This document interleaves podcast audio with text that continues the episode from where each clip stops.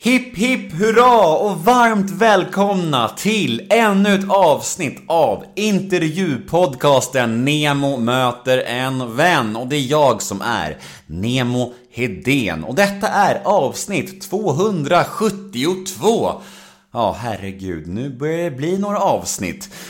Veckans gäst är ingen mindre än multibegåvningen Therese Lindgren. Och veckans avsnitt är ett gratisavsnitt tillgängligt för alla. Och det kanske finns några där ute som inte har stenkoll på Therese Lindgren och då vill jag säga till er att Therese är en av de allra största vi har när det kommer till Instagram, när det kommer till videobloggande, när det kommer till YouTube. Hon är enorm helt enkelt. Och förutom det här så är hon även entreprenör och författare. Så hon eh, är lite av varje, en riktig multitalang med andra ord. Så det var ett fint samtal, det var härligt att prata med någon som också brinner för att lyfta tabubelagda ämnen. Det kändes som att vi pratade om många viktiga saker och jag hoppas verkligen att många av er lyssnare kan ta med er något från det här avsnittet. För att eh, det kändes som att vi berörde flera saker som, eh, som är viktiga och eh, jag känner mig nöjd med det här avsnittet. Det var fint och jag tackar Therese väldigt mycket för att hon tog sig tid. Jag heter Nemo Hedén på Instagram och ni får supergärna följa mig där, då blir jag väldigt, väldigt glad. Vill ni mig något så finns jag på nemohedén gmail.com och dit mejlar ni om ni vill önska gäster till podden eller om ni vill bara kolla läget med mig kanske. Ni kanske vill eh, skriva och eh, ja, säga tjena hallå bara. Det är alltid mysigt att få mail och jag uppskattar det mycket. Veckans podd klipps precis som vanligt av produktionsbolaget LL Experience AB som bland annat producerar Göteborgspodden. Så om ni behöver en duktig podcastproducent slash klippare, gå då in på www.llexperience.se eller mejla kontakt snabela llexperience.se. Tack LL Experience för ett gott samarbete. Men nu ska jag nog sluta babbla. Jag tycker vi drar igång det här fina samtalet. Plats på scen för Therese Lindgren i Nemo möter en vän avsnitt 272. Rulla gingen. Nemo är en kändis, den största som vi har. Nu ska han snacka med en kändis och göra någon glad. Ja! Nemo, ja det är Nemo. Nemo möter en vän. Nemo möter en vän med Therese Lindgren! Tack. Varsågod. vilken, vilket välkomnande. Hej. Det där var min välkomstfanfar. Alla får inte den, Uppskattat. men du får den. Tack. Jag har skrivit videobloggare, influencer, entreprenör, författare. Vad har jag missat? Eh, Jag har också ett skönhetsmärke som heter Indie Beauty. Mm, och det vet jag, men det tänker jag går under entreprenör. Ja, ah, jag förstår. Vad är definitionen av en entreprenör enligt dig? Entreprenör är väl en företagare? Jag tror det. Eller vad är det enligt, enligt dig? Jag tror att entreprenör är väl mer en person som gillar att starta företag och gillar den processen. Ja, kanske. Jag vet inte. Ja, jag, vet inte heller. Ja, ja men det, det funkar väl i alla fall. Mm, ja. ja, absolut. Tack. Varsågod. Eh, jag har en del äldre lyssnare som kanske inte har stenkoll på dig. Eh, du är ju enormt, enormt stor. Eh, men jag tror kanske den äldre generationen finns det några som kanske inte har så bra koll på dig. Om du tar 45 sekunder och presenterar dig för dem, vad säger du då? Hur gamla är de här människorna? Nej men det är alltså 50-60 plus. Okej. Mm. Jag tänkte, för min mormor brukar säga att jag gör TV fast på internet. Ja, Men, eh, men eh, är man 50 plus så vet man ju vad YouTube är. Jag lägger ut videos på YouTube. mm. kort och gott. Ja, det är det. Ja, ja. Men fan, du är väl störst nu ja? Jag läste, alltså inför den här intervjun så läste jag att du hade knäckt en miljon prenumerantsvallen. Grattis till det. Tack. Det är Ja. enormt. Ja, jätteroligt. Det beror lite på hur man räknar. Vi är, är störst, flest visningar i månaden eller flest prenumeranter eller unika visningar. Vad är, vad är det som är störst liksom? Så där kan man ju räkna olika. Vad tycker du är störst? Ja, då skulle jag nog säga att man är störst ifall man har flest visningar per månad. Och där, det finns ju en YouTube-kanal, eller en, en grupp killar som heter I just want to be cool. De har ju två stycken YouTube-kanaler, så om man ihop deras visningar så har de fler visningar än vad jag har. Du kanske får starta en till och slå ihop den där bara för att liksom, så krossa dem då? ja, exakt. Eller så kan jag bara gå med i I just want to be cool. Vilken kan fråga. Ja, de borde ju älska att få in en tjej. De vill bara snubbar, eller hur? Ja. Perfekt. Men, men hur mycket spelar det här någon roll då, tänker jag? För nu är du så pass stor att du liksom har levt på det här i flera år och, och, och, och har allt det här som du har byggt upp. Hur mycket spelar växandet någon roll vid det här stadiet?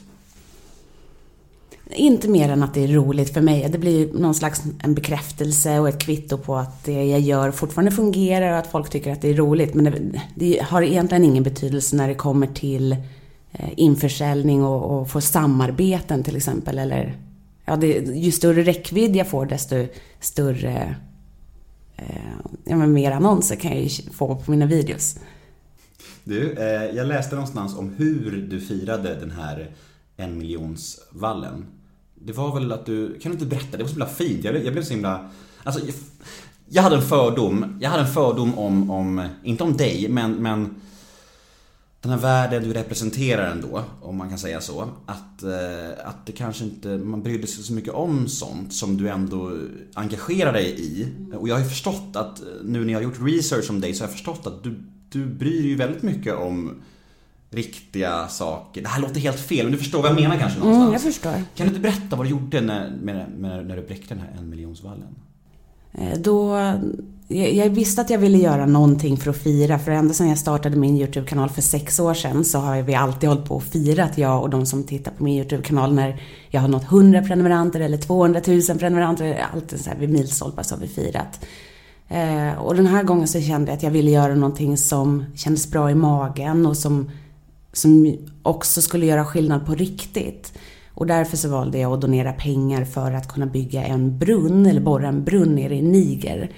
Eh, För att då, då kommer den brunnen att ge de som bor där i den byn en miljon liter vatten ungefär i månaden. Varje månad i tio år. Så det tyckte jag var ett fint sätt att, att fira och liksom bygga den, eller bur, eh, vad heter det? Borra. Bara.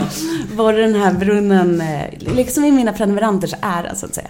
Fy fan, jag vill nästan be om ursäkt nu. Det lät som att jag har en fördom om att ni bara är ytliga och skiter i andra människor. Det var inte alls det jag menade. Fast jag kan också förstå att man har den bilden för att alltså det, det är inte konstigt heller. Jag förstår det. Okej, så du tar inte illa upp? Nej, Nej, bra.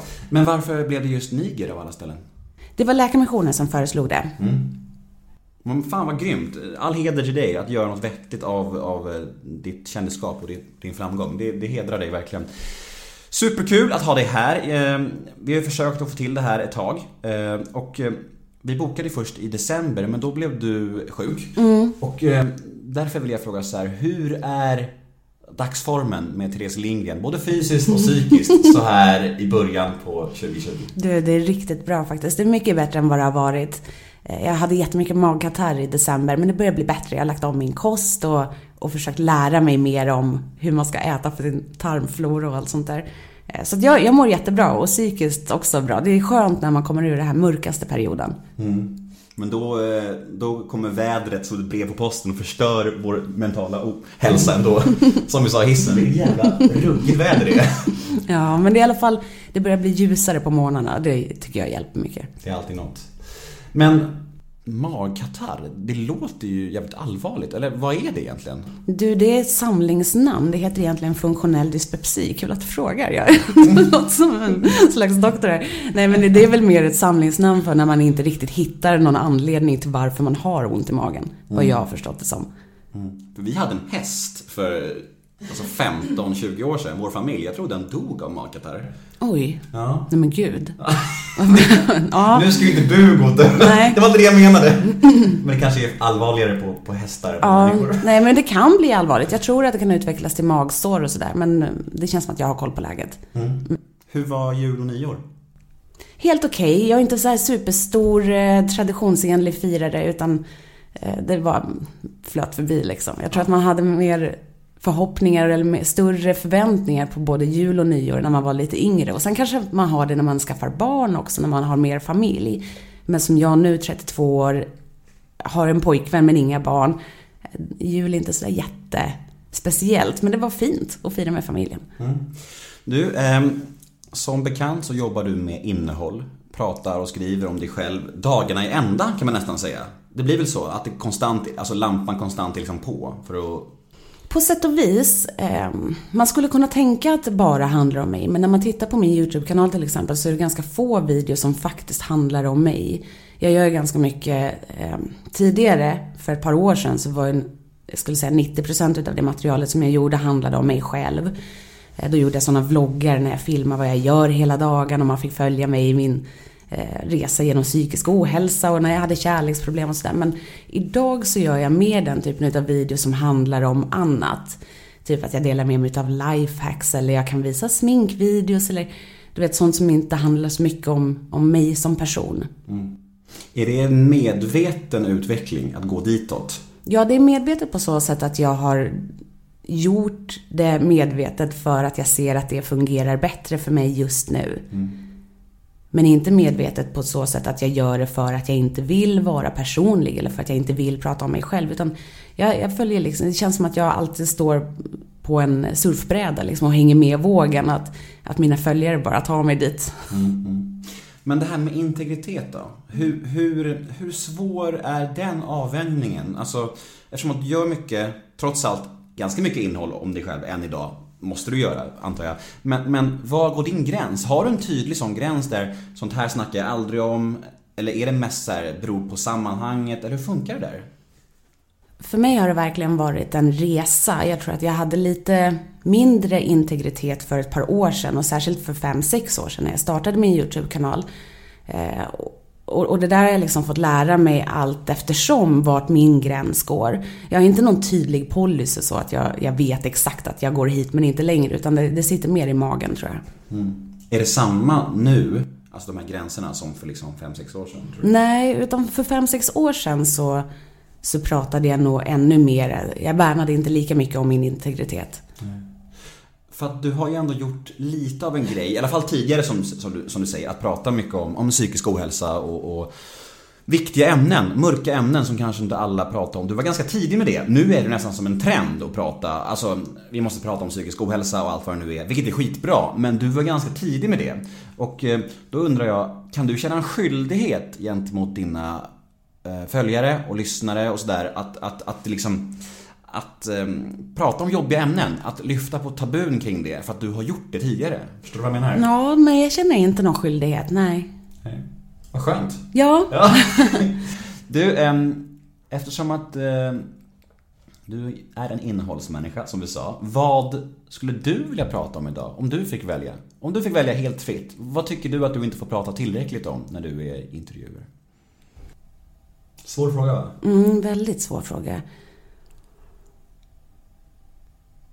Ehm, jag har ett svar, men det är kanske inte just vad jag känner att jag inte får prata om i intervjuer. Men däremot så kan jag ofta känna att, eh, att jag har stor erfarenhet av hur det är att jobba på internet.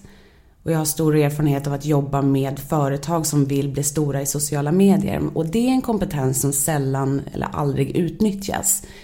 Ehm, det finns så många företag som vill göra samarbeten med mig på Instagram eller på YouTube för att de själva vill växa i sociala medier. De flesta vill ju såklart göra samarbeten med mig när de vill eh, sälja produkter eller de vill sälja sina tjänster.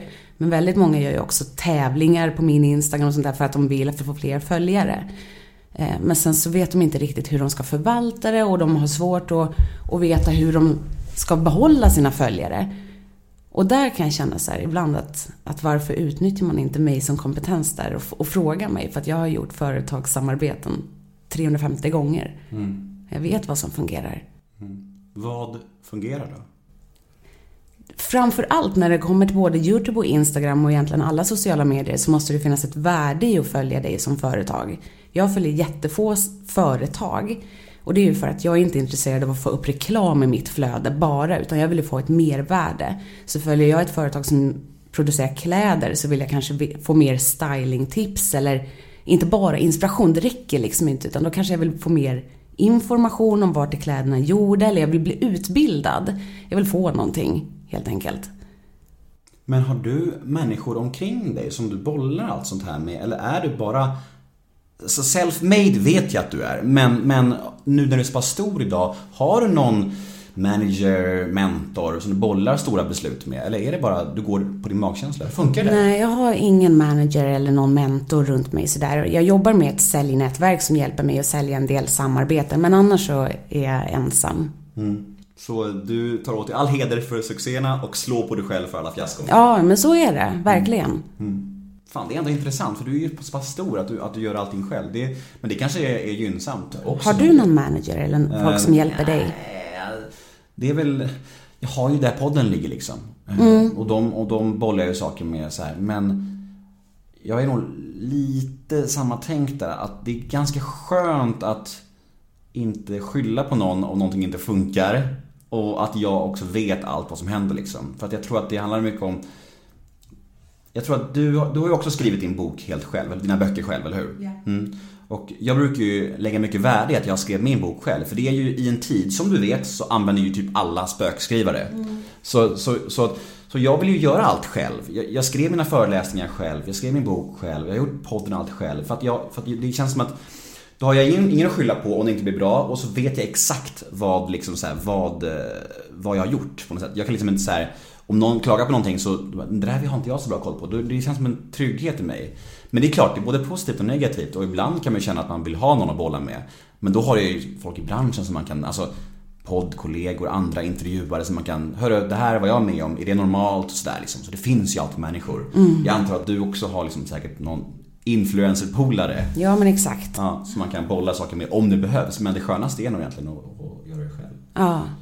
Har du kontrollbehov?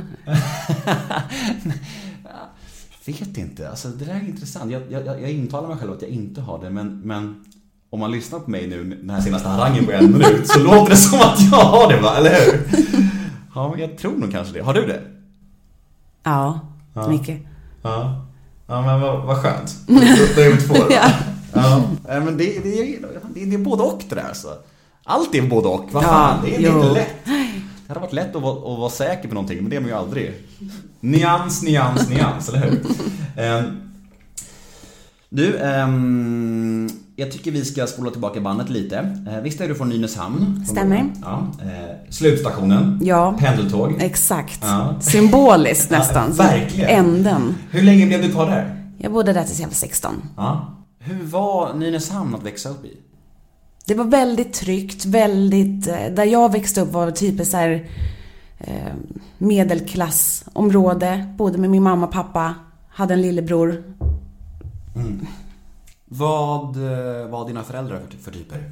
Pappa är egenföretagare som präglat honom jättemycket. Verkligen eh, präntat in i huvudet på mig också att jag ska bli egenföretagare. Det är så skönt att vara sin egen chef. Vet. Och mamma, hon, eh, när jag var riktigt liten så jobbade hon på dagis, eller förskola. Och sen så började hon jobba på kommunen. Vad har du ärvt från din mamma och din pappa? Din pappa var du inne på, företagandet. Om vi, om vi säger mamma då? Har jag berättat att jag är med i Mensa? Nej. Fan, det, det visste jag inte. Men jag- är inte, och det säger jag med all ödmjukhet, att jag är inte särskilt allmänbildad och, och inte smart. Att ha hög IQ behöver ju inte betyda att man är smart.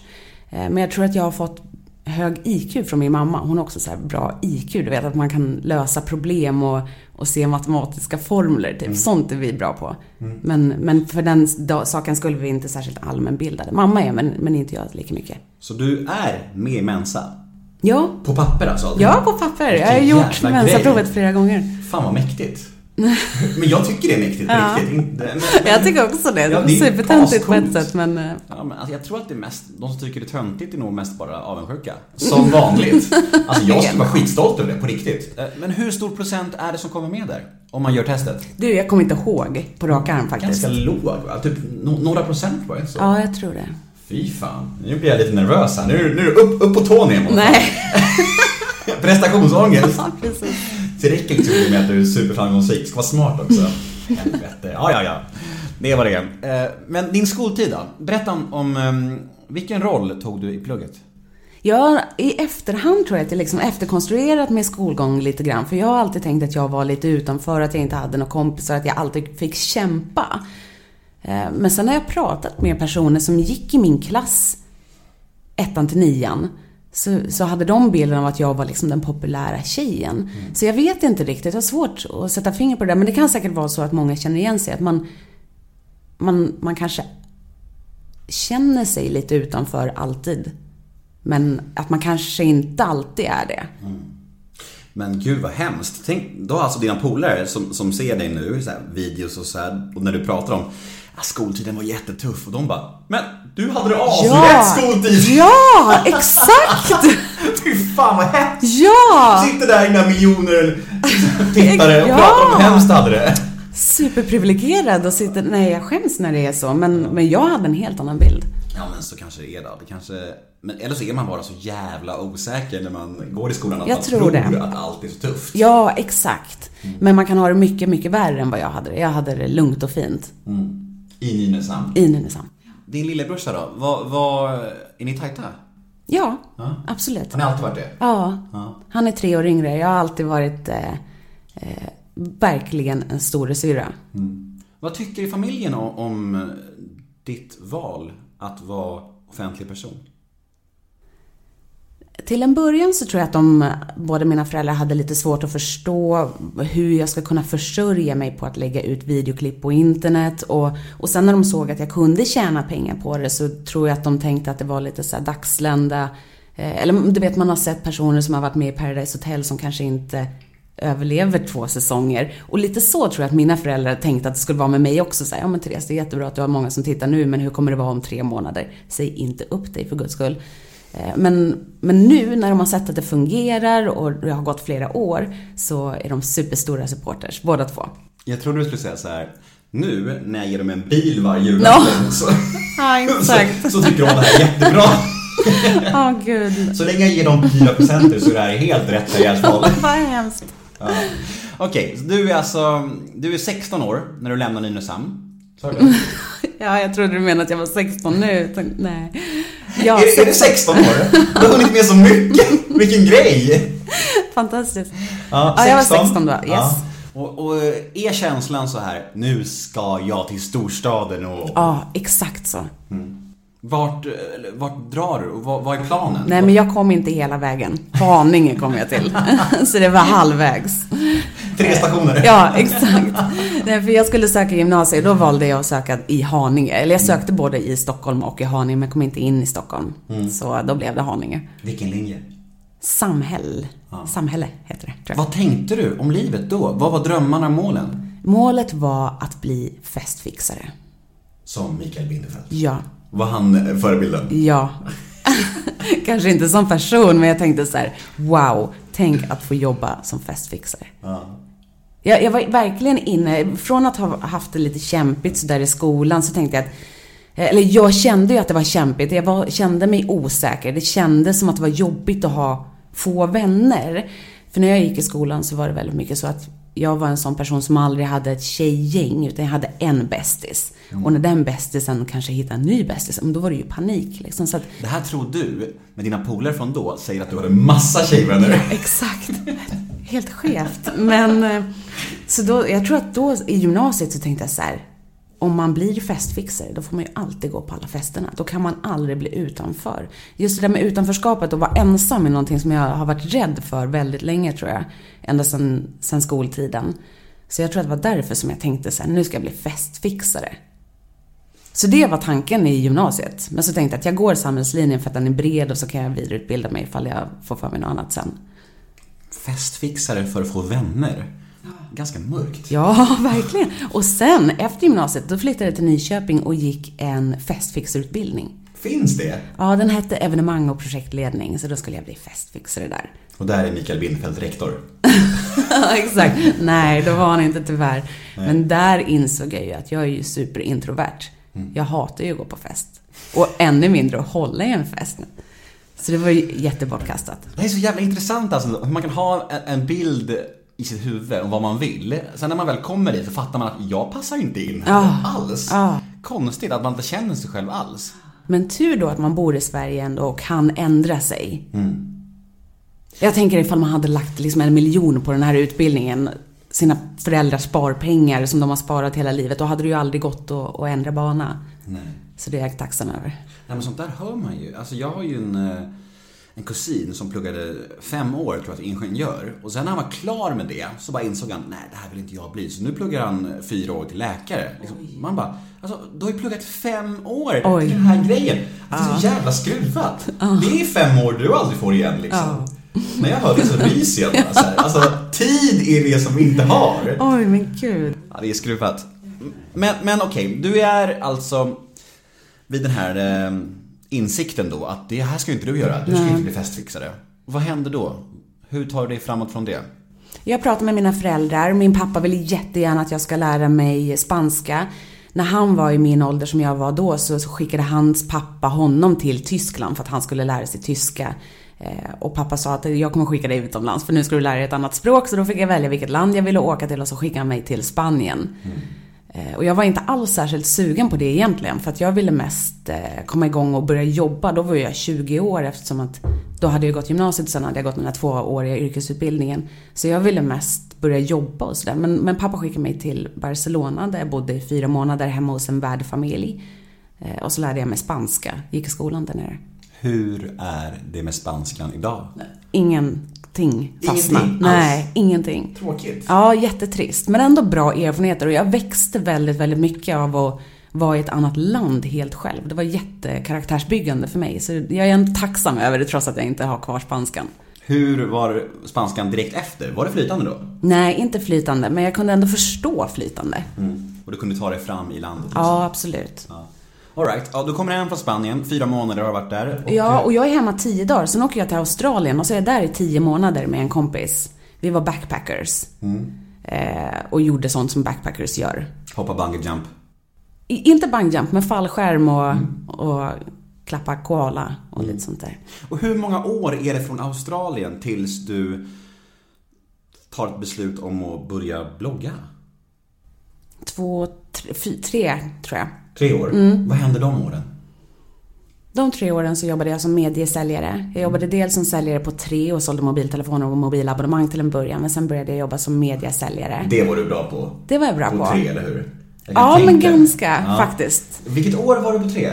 För jag var på Telenor Express typ Var samtidigt. det? Konkurrenten. Nej, ja, för jag Och var vi på är ju samma Tre ålder. Action. Mm. Vi är ju, tre action, eller hur? Vi, vi var ju verkligen konkurrenter. För i de gallerior som ni inte stod i stod vi. Ja, det var tre exakt. action och det var Telenor Express. Just det, ni fick stå i de dåliga gallerierna. Just det. Var det så? Nej, jag vet inte. Men vadå, Men- vilket år var du på tre? För det kanske var samtidigt som jag var på Telenor. Jag måste ha varit 22. Är du också 87? Ja. Ja. Vi är samma underbara årgång. ja. N- när jag var 22 typ då. Ja. Hur gammal var du? Nej, jag var 22. Då jobbade vi säkert samtidigt. Vi Vad kanske sjukt. stod och hatade på varandra i någon galleria någonstans i Sverige. Du var också bra kan jag tänka mig. Ja, men jag var, jag var bäst. Ja, jag förstår det. Jag tjänade mycket pengar då, alltså, för den åldern också.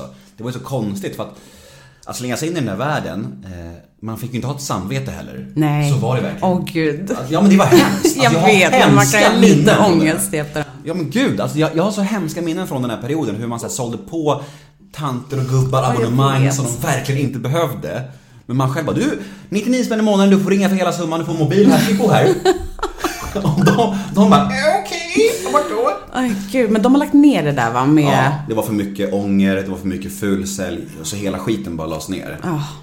Och det var ju, jag minns alltså, alltså det är så jävla jobbiga minnen, men jag kan ha så minnen från att någon tant ringer mig och bara Du sålde en telefon till mig igår och, och jag ångrar mig, jag behöver inte den. Och jag bara, det finns ingen ånger, hej då. Åh gud, Ja, det nej men mörkt emo. alltså. Ja, Ja, det var det är hemskt. jättemörkt. Alltså, jag, jag skäms över det. Det var otroligt uselt alltså. Ja, Men mycket pengar tjänade man.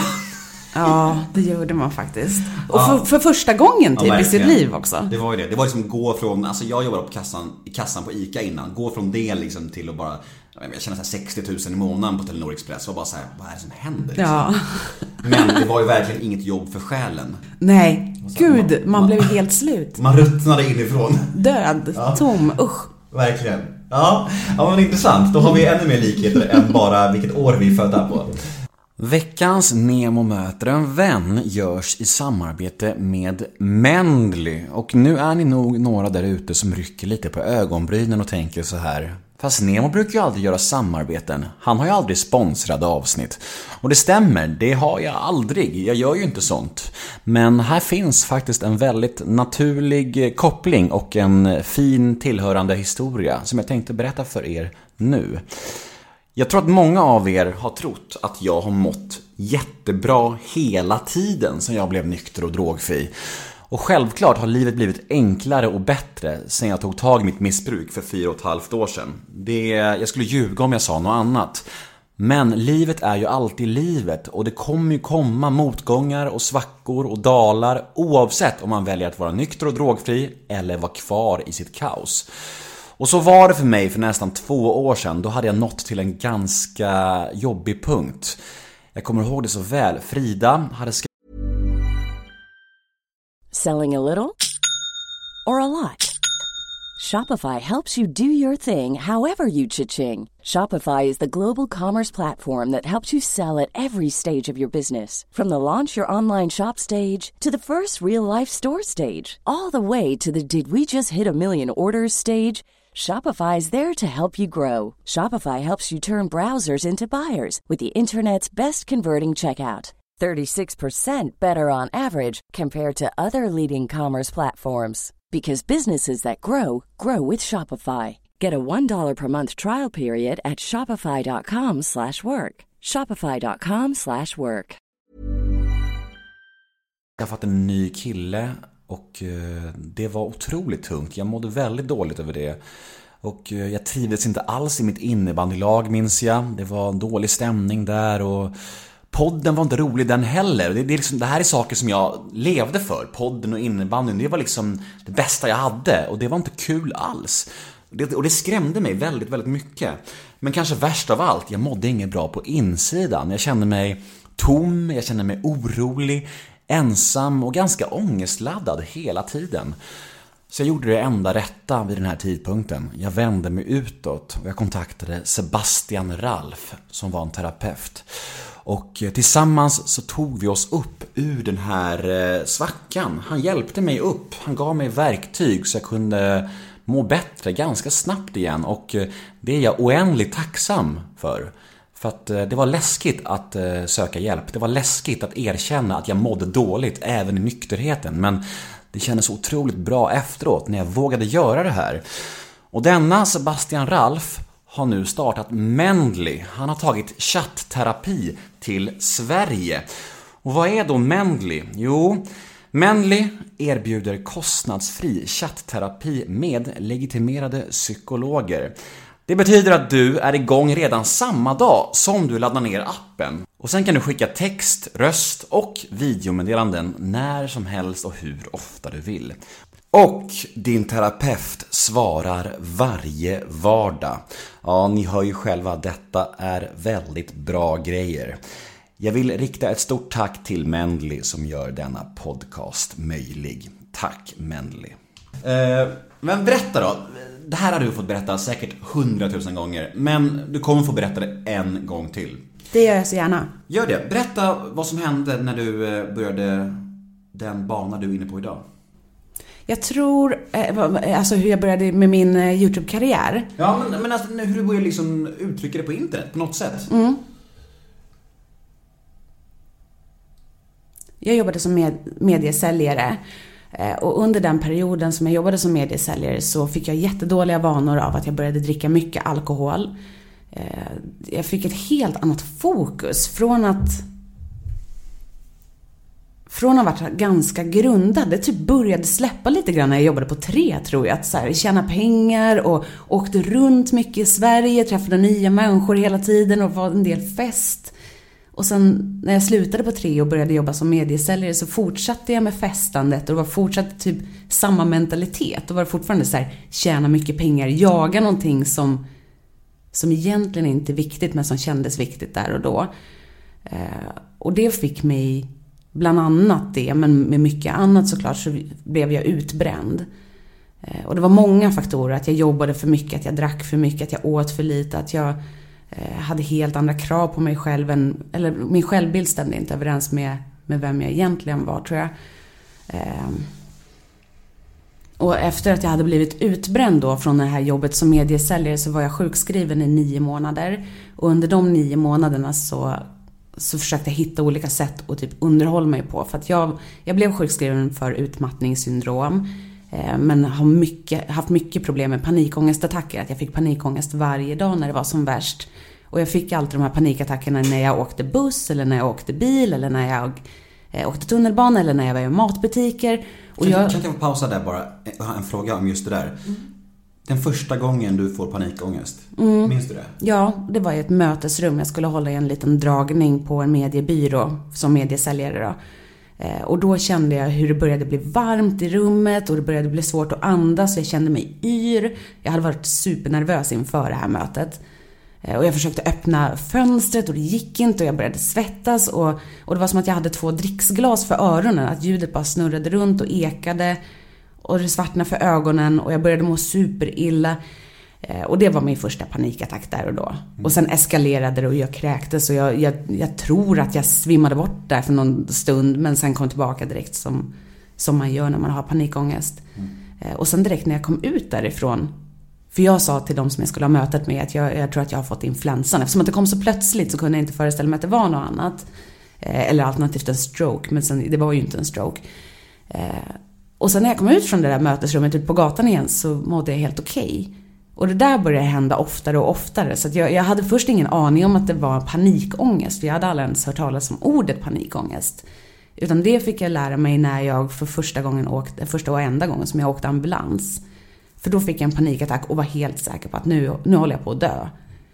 Och då fick jag hjälp att ringa till en ambulans som hämtade mig och så kom jag till sjukhuset. Och där, efter att de hade tagit prover på mig, så fick jag ett nummer till en psykolog. Och då började vi prata panikångest. Och det här var just i den vevan där när du jobbade med mediaförsäljning? Ja, exakt. ja, ja. 2010 var det. Ja, så att, så att de här panikångestattackerna fick mig i alla fall eh, att bli sjukskriven, eller den här utmattningssyndromet med panikattackerna. Och jag gjorde helt fel. Istället för att exponera mig för sånt som jag tyckte var obehagligt. Jag borde ju bara fortsätta åka buss eller borde fortsätta gå i butiker och sånt där. Så tänkte jag helt tvärtom att så här, nej nu ska jag ge mig själv en paus. Nu ska jag bara sova och vara i min lägenhet. Och då blev det tvärtom då, att när jag isolerade mig så blev det ännu större tröskel att ta sig ut. Eh, och panikångesten blev ännu värre de gångerna som jag väl gick ut. Eh, och de här nio månaderna var inte alls bra för mig att vara sjukskriven eftersom att jag gjorde helt fel. Det var säkert bra för mig att få andrum och få vila och få, få landa lite grann i vem jag är. Jag behövde tiden att tänka. Men, men jag gjorde som sagt helt fel där, att jag inte exponerade mig mer. Och under de här nio månaderna så började jag kolla mycket på YouTube för att det passade mig väldigt bra, det mediet. Eh, det var så svårt att ta sig igenom en lång film. Det var svårt med koncentrationsförmågan under så många timmar och kolla på en film och det var tungt att kolla på nyheter. Det var för jobbigt att läsa en bok för eller bokstäverna bara hoppa. Eh, och då upptäckte jag YouTube. Och sen i takt med att jag började må bättre och också fick tillbaka min egen kreativitet så, så fick jag för mig att jag skulle starta en egen blogg för att jag hade fått något slags nyfunnet där skönhetsintresse under de här nio månaderna när jag kollade mycket på YouTube. Så då startade jag en, en blogg där jag skulle skriva om smink tänkte jag. Och det var 2012, 2013. Och sen på den här bloggen så tänkte jag vid något tillfälle att så här, men jag, jag tror jag ska blanda upp lite grann med att ha rörligt material. Så då filmade jag mig själv när jag sminkade mig och la ut på YouTube. Och sen så, så insåg jag att det var fler som tittade på mina YouTube-videos än bara var folk som läste bloggen. Så den där bloggen överlevde inte särskilt länge. Eh, Och jag började ganska snabbt att göra YouTube kontinuerligt, alltså lägga ut videos varje vecka.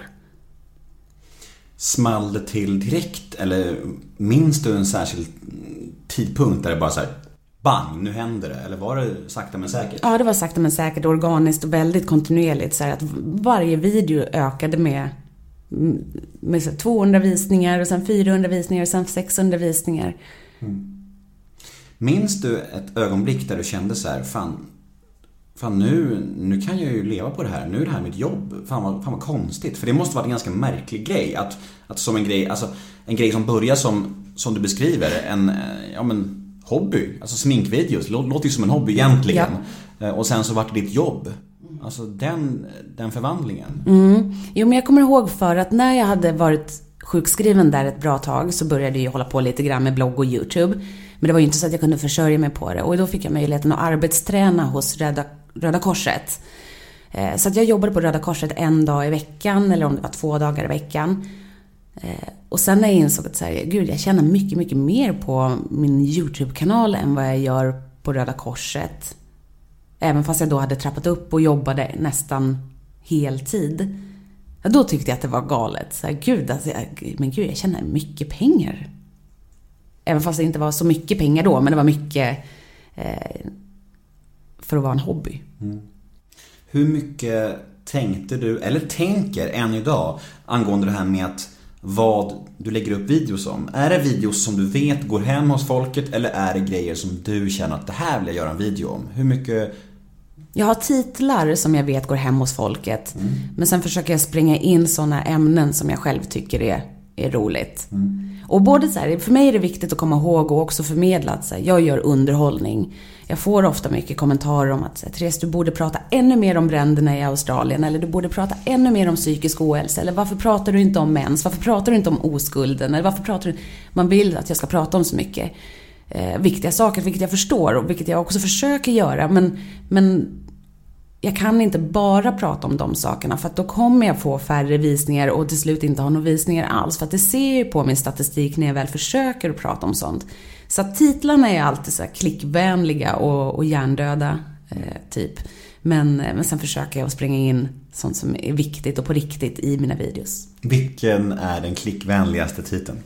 Som jag har haft eller som man kan ha överhuvudtaget. Både och. Eh, Överhuvudtaget, jag är gravid. Den är bra. Eh, Men sen, som jag har haft, Anders har gjort slut. Mm. All right. Du, eh, vi ska köra lite snabbfrågor. Oj, okej. Ja, är du redo? Ja, jag är så redo. Jag är så redo. När grät du senast? I december på grund av min eh, magkatarr. Jag tror jag har utvecklat någon typ utav, eller det har jag fått höra från, jag går ganska regelbundet i terapi. Eh, Det här är inte ett snabbt svar kommer jag på nu, men jag, jag ska bara förklara klart nu då. Att jag går ganska regelbundet i tera- i terapi med anledning av att jag har fått väldigt mycket hypokondriska tendenser som ställer till det ganska mycket för mig. Och nu i december när jag fick de här magkatarren du vet när man går runt och är så rädd för att man ska bli sjuk hela tiden och man är rädd för att man ska kräkas och så när det händer, då är det det värsta som kan hända för då har jag ju fått alla mina farhågor bekräftade. All den här oron som jag har burit på, den, den blev lite bekräftad så här, att vilken tur att du oroar dig för att du hade ju rätt Therese, du blev ju sjuk. Och då grät jag för att det var så hemskt att vara sjuk tyckte jag. Du får utveckla svaren hur mycket du vill. Okej, är ja, men nu, nu vill jag svara fort. Ja, okej. Mm. Rekommendera en tv-serie. Jag kan inte. Ingen tv-serie. nej, jag blev jättestressad nu. Eh, nej, jag kollar väldigt lite på TV. Eller får man säga liksom Netflix-serier och Ja, sådär också? ja, Ja, ja. jag tänkte att det måste vara TV-TV. Ehm. har du någon? Eh, jag... Eh, jag såg ganska nyligen Bron. Mhm. Nej. Nej, den tycker jag om. Och sen Innan vi dör. Nu ser jag två svenska serier här. Ja, bra. Ja, det blev så. Och eh, jag såg nyligen den här You. Mm, men gud, du kollar på mycket Ja, serier. det blir så när man är gravida och så här. Vi ligger Ja, mest hemma liksom och inte gör så mycket. Det blir mycket Netflix nu. Men du måste kunna komma på någon serie. Nej, men jag är så himla dålig på det. Jag kollar ju bara på YouTube hela dagarna. Ja. Ja, det är ju det enda jag gör. Men jag har som nyårslöfte att jag ska kolla på 52 filmer i år. För att jag är väldigt dålig på att kolla på film också. Så jag har nyligen sett Pulp Fiction här för första gången. Det var ju en väldigt bra film. Verkligen. Ja men det, det, det är okej. Det var egentligen en, en fråga som kommer sen. Men, men eh, du svarar på den nu då. Det är bra. Ändå intressant. Du kommer inte på en enda tv-serie. Oj. Handmaid's Tale såg jag, den var bra. Bra, där kom den. Perfekt. Paradrätt. Vad Alltså lagar som, du? som jag bjuder på Ja, eller som jag äter bjuder själv. Vad bjuder du helst på? Vad är du bäst på att laga? Jag, åh, jag är jättedålig på att laga mat, Nemo. Men någonting kanske du kan, som du tycker att du gör gott i alla fall. Någonting nu. Alltså, vet du, jag är ju bra såna här hälsotallrikar. Man kan säga Det hälsotallrik. Alltså, det Hälsotallrik, lite jättebra. sallad, men god. Skitbra. Vad missbrukar du? Ehm, Youtube, tror jag. Minne du helst vill förtränga? Har du något minne som du vrider sig i magen när du tänker på som du önskar att du inte ens... Ja, det var väl tiden på tre då. Skitbra. Eh, vad kommer du aldrig förstå dig på att andra människor tycker om? Jakt. Bra svar. Vilken egenskap hos dig själv föraktar du mest? Överanalyserar. Vad lägger du mest pengar på? Mat. Vad tror du andra tänker på när de tänker på dig? Både som offentlig människa och dina kompisar. Jag tror att som offentlig människa så tänker många på psykisk ohälsa. Eh, Och mina kompisar tänker nog på att jag jobbar mycket. Bra. Jag hade också favoritfilm, men eh, du kan ju få säga Pulp Fiction. Ja, jag säger Pulp Fiction. Var det så bra? Nej, det var den inte. Det var mycket dialoger. Ja. Som jag liksom, jag tappade lite intresset. Jag är dålig på film så jag har ingen. Nej, det är okej.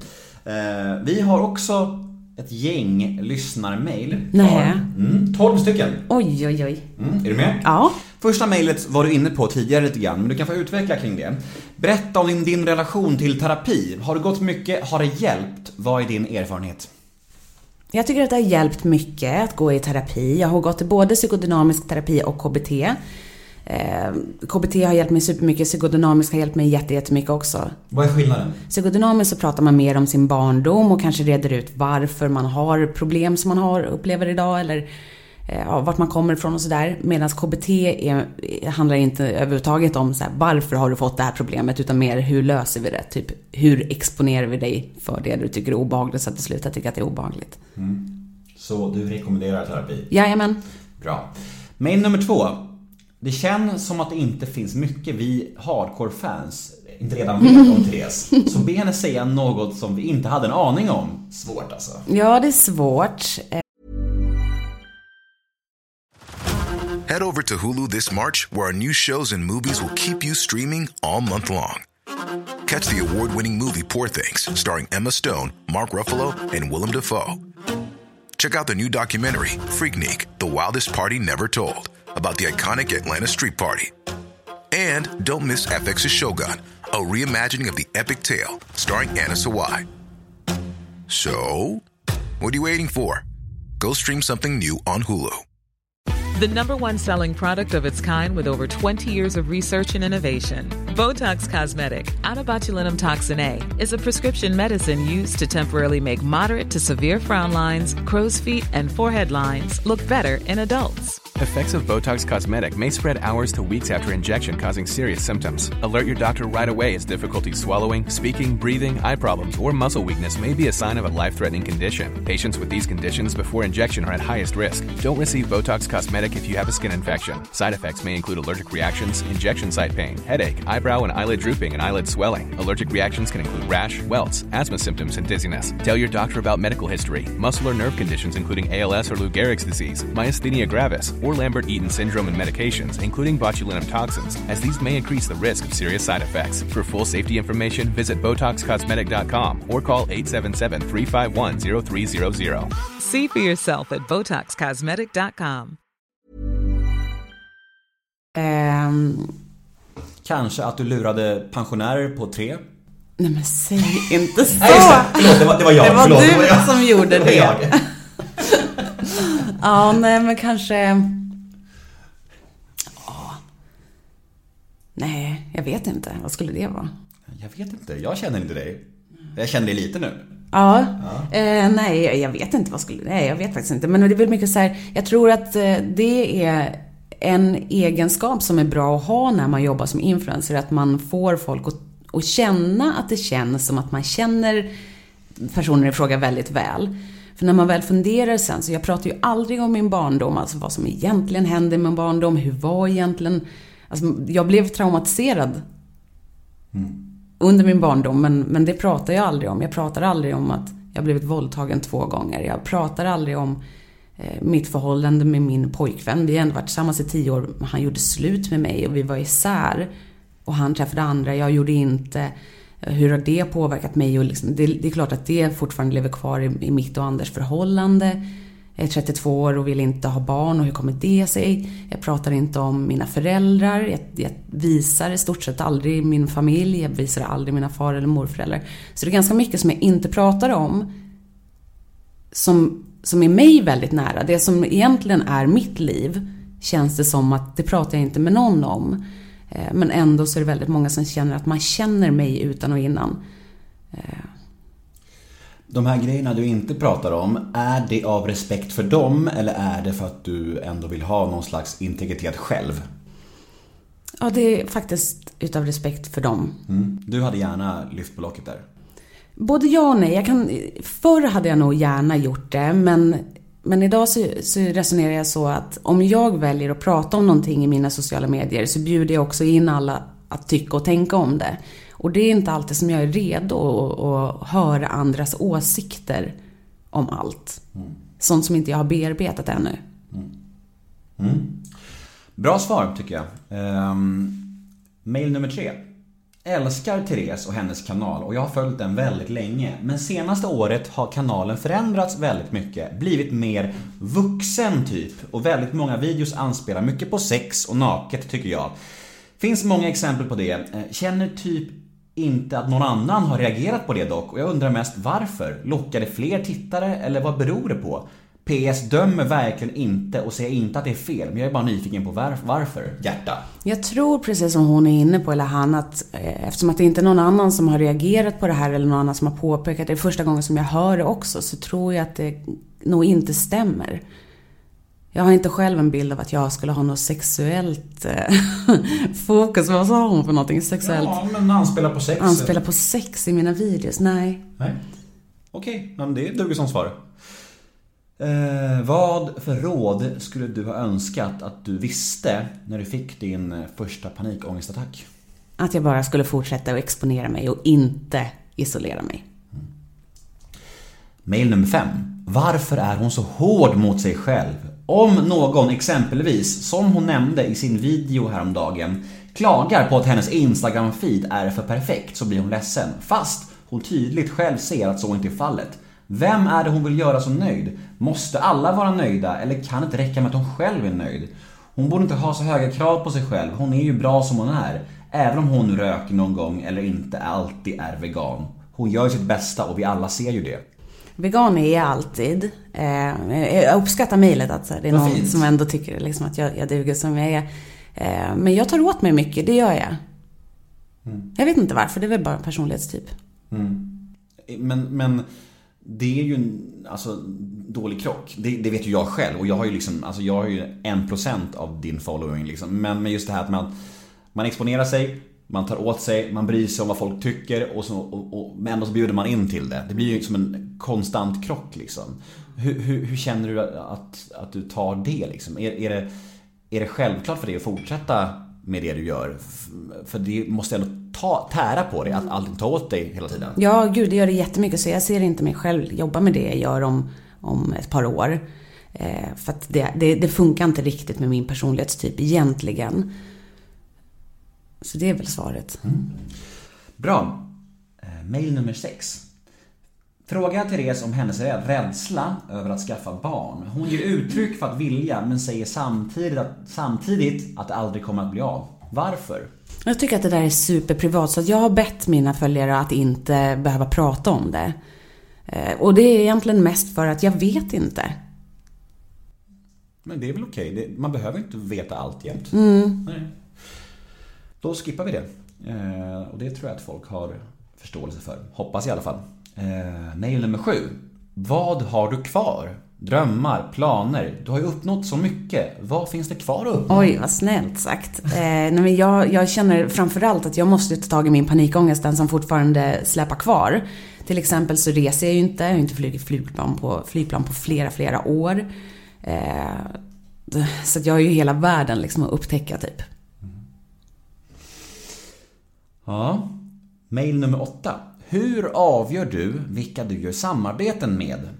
Kan man göra vad som helst för rätt mängd cash? Och vad tjänar du egentligen på ett Instagram-samarbete? Eh, Det är svårt att svara på eh, vad var första frågan? Hur, Det är tre frågor igen där. Ja. Eh, Och hur, hur, hur jag avgör avgör. du vilka du vill samarbeta med? De flesta samarbeten som jag gör, jag skulle säga 8 utav 10 samarbeten, har initierats av att jag har kontaktat det företaget. För att jag själv använder den produkten eller använder den tjänsten och det är någonting som jag varmt skulle vilja rekommendera. Eh, och, och det är väl det som framförallt avgör att jag själv använder produkten eller tjänsten. Eller att jag tycker att den är genuint bra. Fy fan vad skönt att vara så pass stor att du kan kontakta företagen och bara Hörni, jag är lite sugen på att göra en grej för er. De bara ja, ja! Nej, men det, det kommer ju också liksom från min bakgrund som säljare, att det ligger i, i mig. Säger företag alltid ja? Nej. Nej. Ofta? Eh, ja, ganska ofta. Kul för er. Ja. Ja, men vi hade ju två till här inbakat i ett. Kan man göra vad som helst för rätt mängd cash? Nej, givetvis inte. Då hade jag ju gjort spelreklam hela tiden, för där finns ju mycket pengar såklart. Jo, Eh, tack, vi vet. Är... Gör du spelreklam? Aldrig. Det är något som jag lägger otroligt stor stolthet i att jag har nämnt det här i podden tidigare men skulle jag göra spelreklam då skulle jag kunna tjäna tre, fyra dubbla på den här, på den här podden. Men det, jag kan inte. Jag är ju nykter sedan ganska många år. Fyra och ett halvt år. Och för mig är liksom missbruk, alltså beroende som beroende för mig. Och kan jag ta avstånd från någon slags problematik, alltså vad gäller missbruk, så gör jag det liksom. Eh, Jag skulle aldrig kunna leva med mig själv om jag gjorde spelreklam. Det, det går inte. Jag, alltså, det ökar lavinartat och folk hamnar hos Kronofogden med sms-lån och Lendo och skit i spelreklam. Det funkar inte. Och det, vet du vad det värsta är? De som jag är aller- allergisk mot mest, det är de poddarna som har spelreklam och sen direkt efter lånreklam. Man bara, man bara alltså det är så här, hur, hur kan ni? Alltså det är så jävla hemskt. Spela massa och sen låna pengar för att spela mer. Man bara, Nej. så då tjänar jag hellre lite mindre pengar och, och har ett rent samvete. Bra. Mm. Detsamma, om du själv resonerar så, det är jättefint. För det är, som du säger, det är där pengarna finns. Ja. Men det är ju en bransch som är den smutsigaste av dem alla liksom. Ja. Ja. Så vi tar båda avstånd från det. Japp. Bra Therese! Eh, vad har du för relation till alkohol? Eh, jag, jag dricker i stort sett aldrig. Jag kan ta ett glas champagne två gånger per år. Är det på grund av att det var för mycket där under mediaåren? Det var för mycket, alldeles för mycket under en period och när jag skulle börja gå i KBT för att bli av med min panikångest så var det ett krav från min terapeut då att jag skulle också samtidigt gå i alkoholbehandling, alkoholberoendebehandling. Och då fick jag träffa en person där på Maria Capio som, som efter att jag gick till henne i 10 veckor eller om det var 12 veckor. Och hon sa att jag var alkoholist. Och då vet jag att jag gjorde en video där jag berättade så här, ja, jag är alkoholist för att jag hade nämnt det i en podd för att hon hade sagt att jag är en alkoholist. Eh, jag har börjat fundera mycket på det där att så här, om man är alkoholist, kan man då ta ett glas champagne som jag kan idag? Jag vet faktiskt inte. Så är jag alkoholist? Nej, jag, jag tror inte det. Du sitter ju med en expert här vet du. Ja. Nej men, men, men du är nog rätt ute. Att hade du varit eh, hade du varit alkoholist så, så hade nog det varit väldigt svårt. För Eller hur? Just, just alkoholism, om man ska sätta ord på vad det är, så är det ju det här starka, starka merbegäret. När man får i sig alkohol så vill man, så bara skriker kroppen efter mer. Så den skriker efter mer. Den, den skapar ett så oemotståndligt merbegär. Det är det som är själva grejen. Eh, Så om du känner att du inte har det, så nej, men då har du nog inte sjukdomen. Så Nej. så det är nog lugnt för dig. Eh, Det kanske bara var att du mixade ihop allt för det var så mycket andra issues just då. Ja. Och sen så har jag också träffat många behandlare, inte bara alkoholberoende behandlare, utan så här alla typer av behandlare som, som gärna slänger sig med ord ganska snabbt. Man får många diagnoser när man går i, i, i KBT eller när man går i psykodynamisk terapi eller vad det nu kan vara. Så man får ofta diagnoser. Så är det. Jag, var ju, jag började göra en ADHD-utredning nu eh, i våras. Gick hos en kille på, ehm, jag gick ett besök hann jag gå. Det var på ADHD-mottagningen vid eh, Sankt Eriksplan. Atlasmuren där. Och då träffade jag en läkare som sa Först och främst, jag har fått höra att jag har ADHD hela mitt liv. Alltså det är alla tycker att jag är en klassisk ADHD. Sa han det eller Nej, du? nej, det, du jag, sa, jag, ja. jag, jag har fått höra det hela mitt liv. Jag är Ja. ganska säker på att jag har det också. Väldigt så här, men det, det är bara, alltså jag är väldigt övertygad om det. Han säger till mig så här: Du har inte ADHD, du har borderline. Jag bara, Oj. va? Det Hans, aldrig- första gången ni träffades sa han? Första gången vi träffas säger, säger han det. Han bara, du har borderline, det, det, är den, det är den utredningen du borde göra. Och jag bara, eh, det tror inte jag. Så läste jag på om borderline och det var så här, ja men självmordsbenägen, ganska hård diagnos. Även om det finns såklart nyanser, mer eller mindre, så var det mycket där jag inte kunde känna igen mig i. Och så då blev det så att han la ner min ADHD-utredning, så den blev aldrig av. Så den blev liksom, ja, det är så jävla skruvat. Och så läste jag på den här läkaren. Jag la till, la till och med upp ett inlägg på Instagram om den här läkaren, för jag blev så jävla upprörd. Och, och, och då var det jättemånga som hörde av sig till mig. Vi har också träffat honom, han är en kvacksalvare. Alltså han, Men, han var, han var så här känd som en fejkläkare som gör, som gör fel diagnoser och, och så här. Så, så att, eh, jag tror inte han jobbar mer längre nu faktiskt. Oj. Han jobbar inte kvar där i alla fall. Ja. Men tråkiga för mig var att min eh, utredning blev inte av och den går inte att tas upp igen. Så, Va? ja. Varför då? Nej, jag har försökt och, och de har sagt ja men vi, det är svårt när en läkare har lagt ner hela, hela din fil, då måste du börja om igen och gå via... Vansinnigt. Så jag eh, vill ju verkligen göra den utredningen men ja. Det är vad det är, det där skulle jag kunna snacka i flera timmar om. Ja, jag förstår. men, men det är som de säger- folk slänger ut sig mycket olika diagnoser och, och sätter etiketter på människor väldigt snabbt i den där världen. Eh, vilket är farligt, helt enkelt. Det är, det är beklagligt. Nästa mail lyder, vad tycker du om skönhetsingrepp? Eh, jag tycker att det är tråkigt att det blir så normaliserat. Sen samtidigt så tycker jag att det är upp till var och en. Jag skulle aldrig skamma någon liksom, som skaffar eller som gör skönhetsingrepp. Men, men det är tråkigt att det kryper ner i åldrarna. Och sista mejlet lyder så här. Kan inte du berätta storyn om det där märkliga samarbetet med Arbetsförmedlingen som verkligen blev en konstig snackis? Vad är det hon tror att... Eller vad tror du att hon syftar på att jag ska berätta för story? Nej, men jag, jag är inte så påläst kring det här, men, men jag tror att det här med när ditt ansikte var på någon i rullstol. Eller är det känslan? Nej, en, nej en, en person som sitter i rullstol, hennes fötter var på mig. Så var det. Mm. Och vad var det som hände och vad blev fel? Det var en, en kampanj som Arbetsförmedlingen planerat under många, många år. Där jag och flera profiler blev tillfrågade ifall vi ville ställa upp och vara med som, som modeller bara i kampanjen. Och sen blev den här kampanjen väldigt kritiserad, vilket jag förstår i efterhand. Eh, och jag tycker att det är väldigt tråkigt att fokus fort hamnade så fel. Och, eller det som är tråkigt är ju att, att fokus aldrig fick stanna kvar på det som var budskapet i grund och botten. Alltså att arbetsgivare behöver, de behöver våga anställa personer med funktionsvariationer för att de går miste om kompetens. Så det är tråkigt att fokus hamnade snett. Jättetrist. Bra. Bra svar. Och eh, vi börjar bli klara. Pju. Vilken pers. Jag är helt svettig. Är det så? Ja, Var det jobbigt? Nej, men ja, jag spänner mig väldigt mycket när jag, jag måste tänka så mycket. Det kändes som att du var lite på, eh, på din vakt i början. Att du hade lite garden uppe men att du slappnade av allt eftersom lite grann. Ja, men för det var, för jag visste inte riktigt vad jag gav mig in i. Nej. det var väl det. Ja, men hur känns det nu då så här efter? Nej, det känns bra. Ja. Jag känner att jag, det, det känns eh, som att jag skulle vilja fråga dig många frågor. Ja. Men det, det, det får du göra, men, men kanske inte här. För att det blir lätt så att under de här poddarna så, så är det ofta så att mina gäster börjar fråga mig frågor. Och det har jag inget emot. Jag tycker om att prata om mig själv. Men då blir det så att mina lyssnare får höra mina svar Ja, jag förstår. hundra gånger. Exakt. Det funkar inte. Ja, jag förstår. Så vi får ta en lunch någon dag istället. Ja. Och så får du fråga vad du vill. om du vill. Har du gjort någon intervjupodd med dig själv där du blir intervjuad? Avsnitt 200 så Ah. intervjuar Adam Paulsson mig. Nej! Skådisen, du vet. Ah, coolt! Ja, det var skitcoolt och det, det var supermysigt och eh, jag var väldigt tacksam att en så stor skådis ville inte ställa upp på den grejen. Så eh, ja, Nej, vad finns. kul. Men då måste vi rekommendera det avsnittet då. Lyssna Avsnitt på direkt 200. efter det här. Ja, Avsnitt precis. 200. Lyssna klart på den här podden och sen drar ni på Adam Paulssons intervju med mig, avsnitt 200. Kul. Tack Therese Lindgren för idag. Tack för att jag fick komma Nemo. Hej då! Hej då!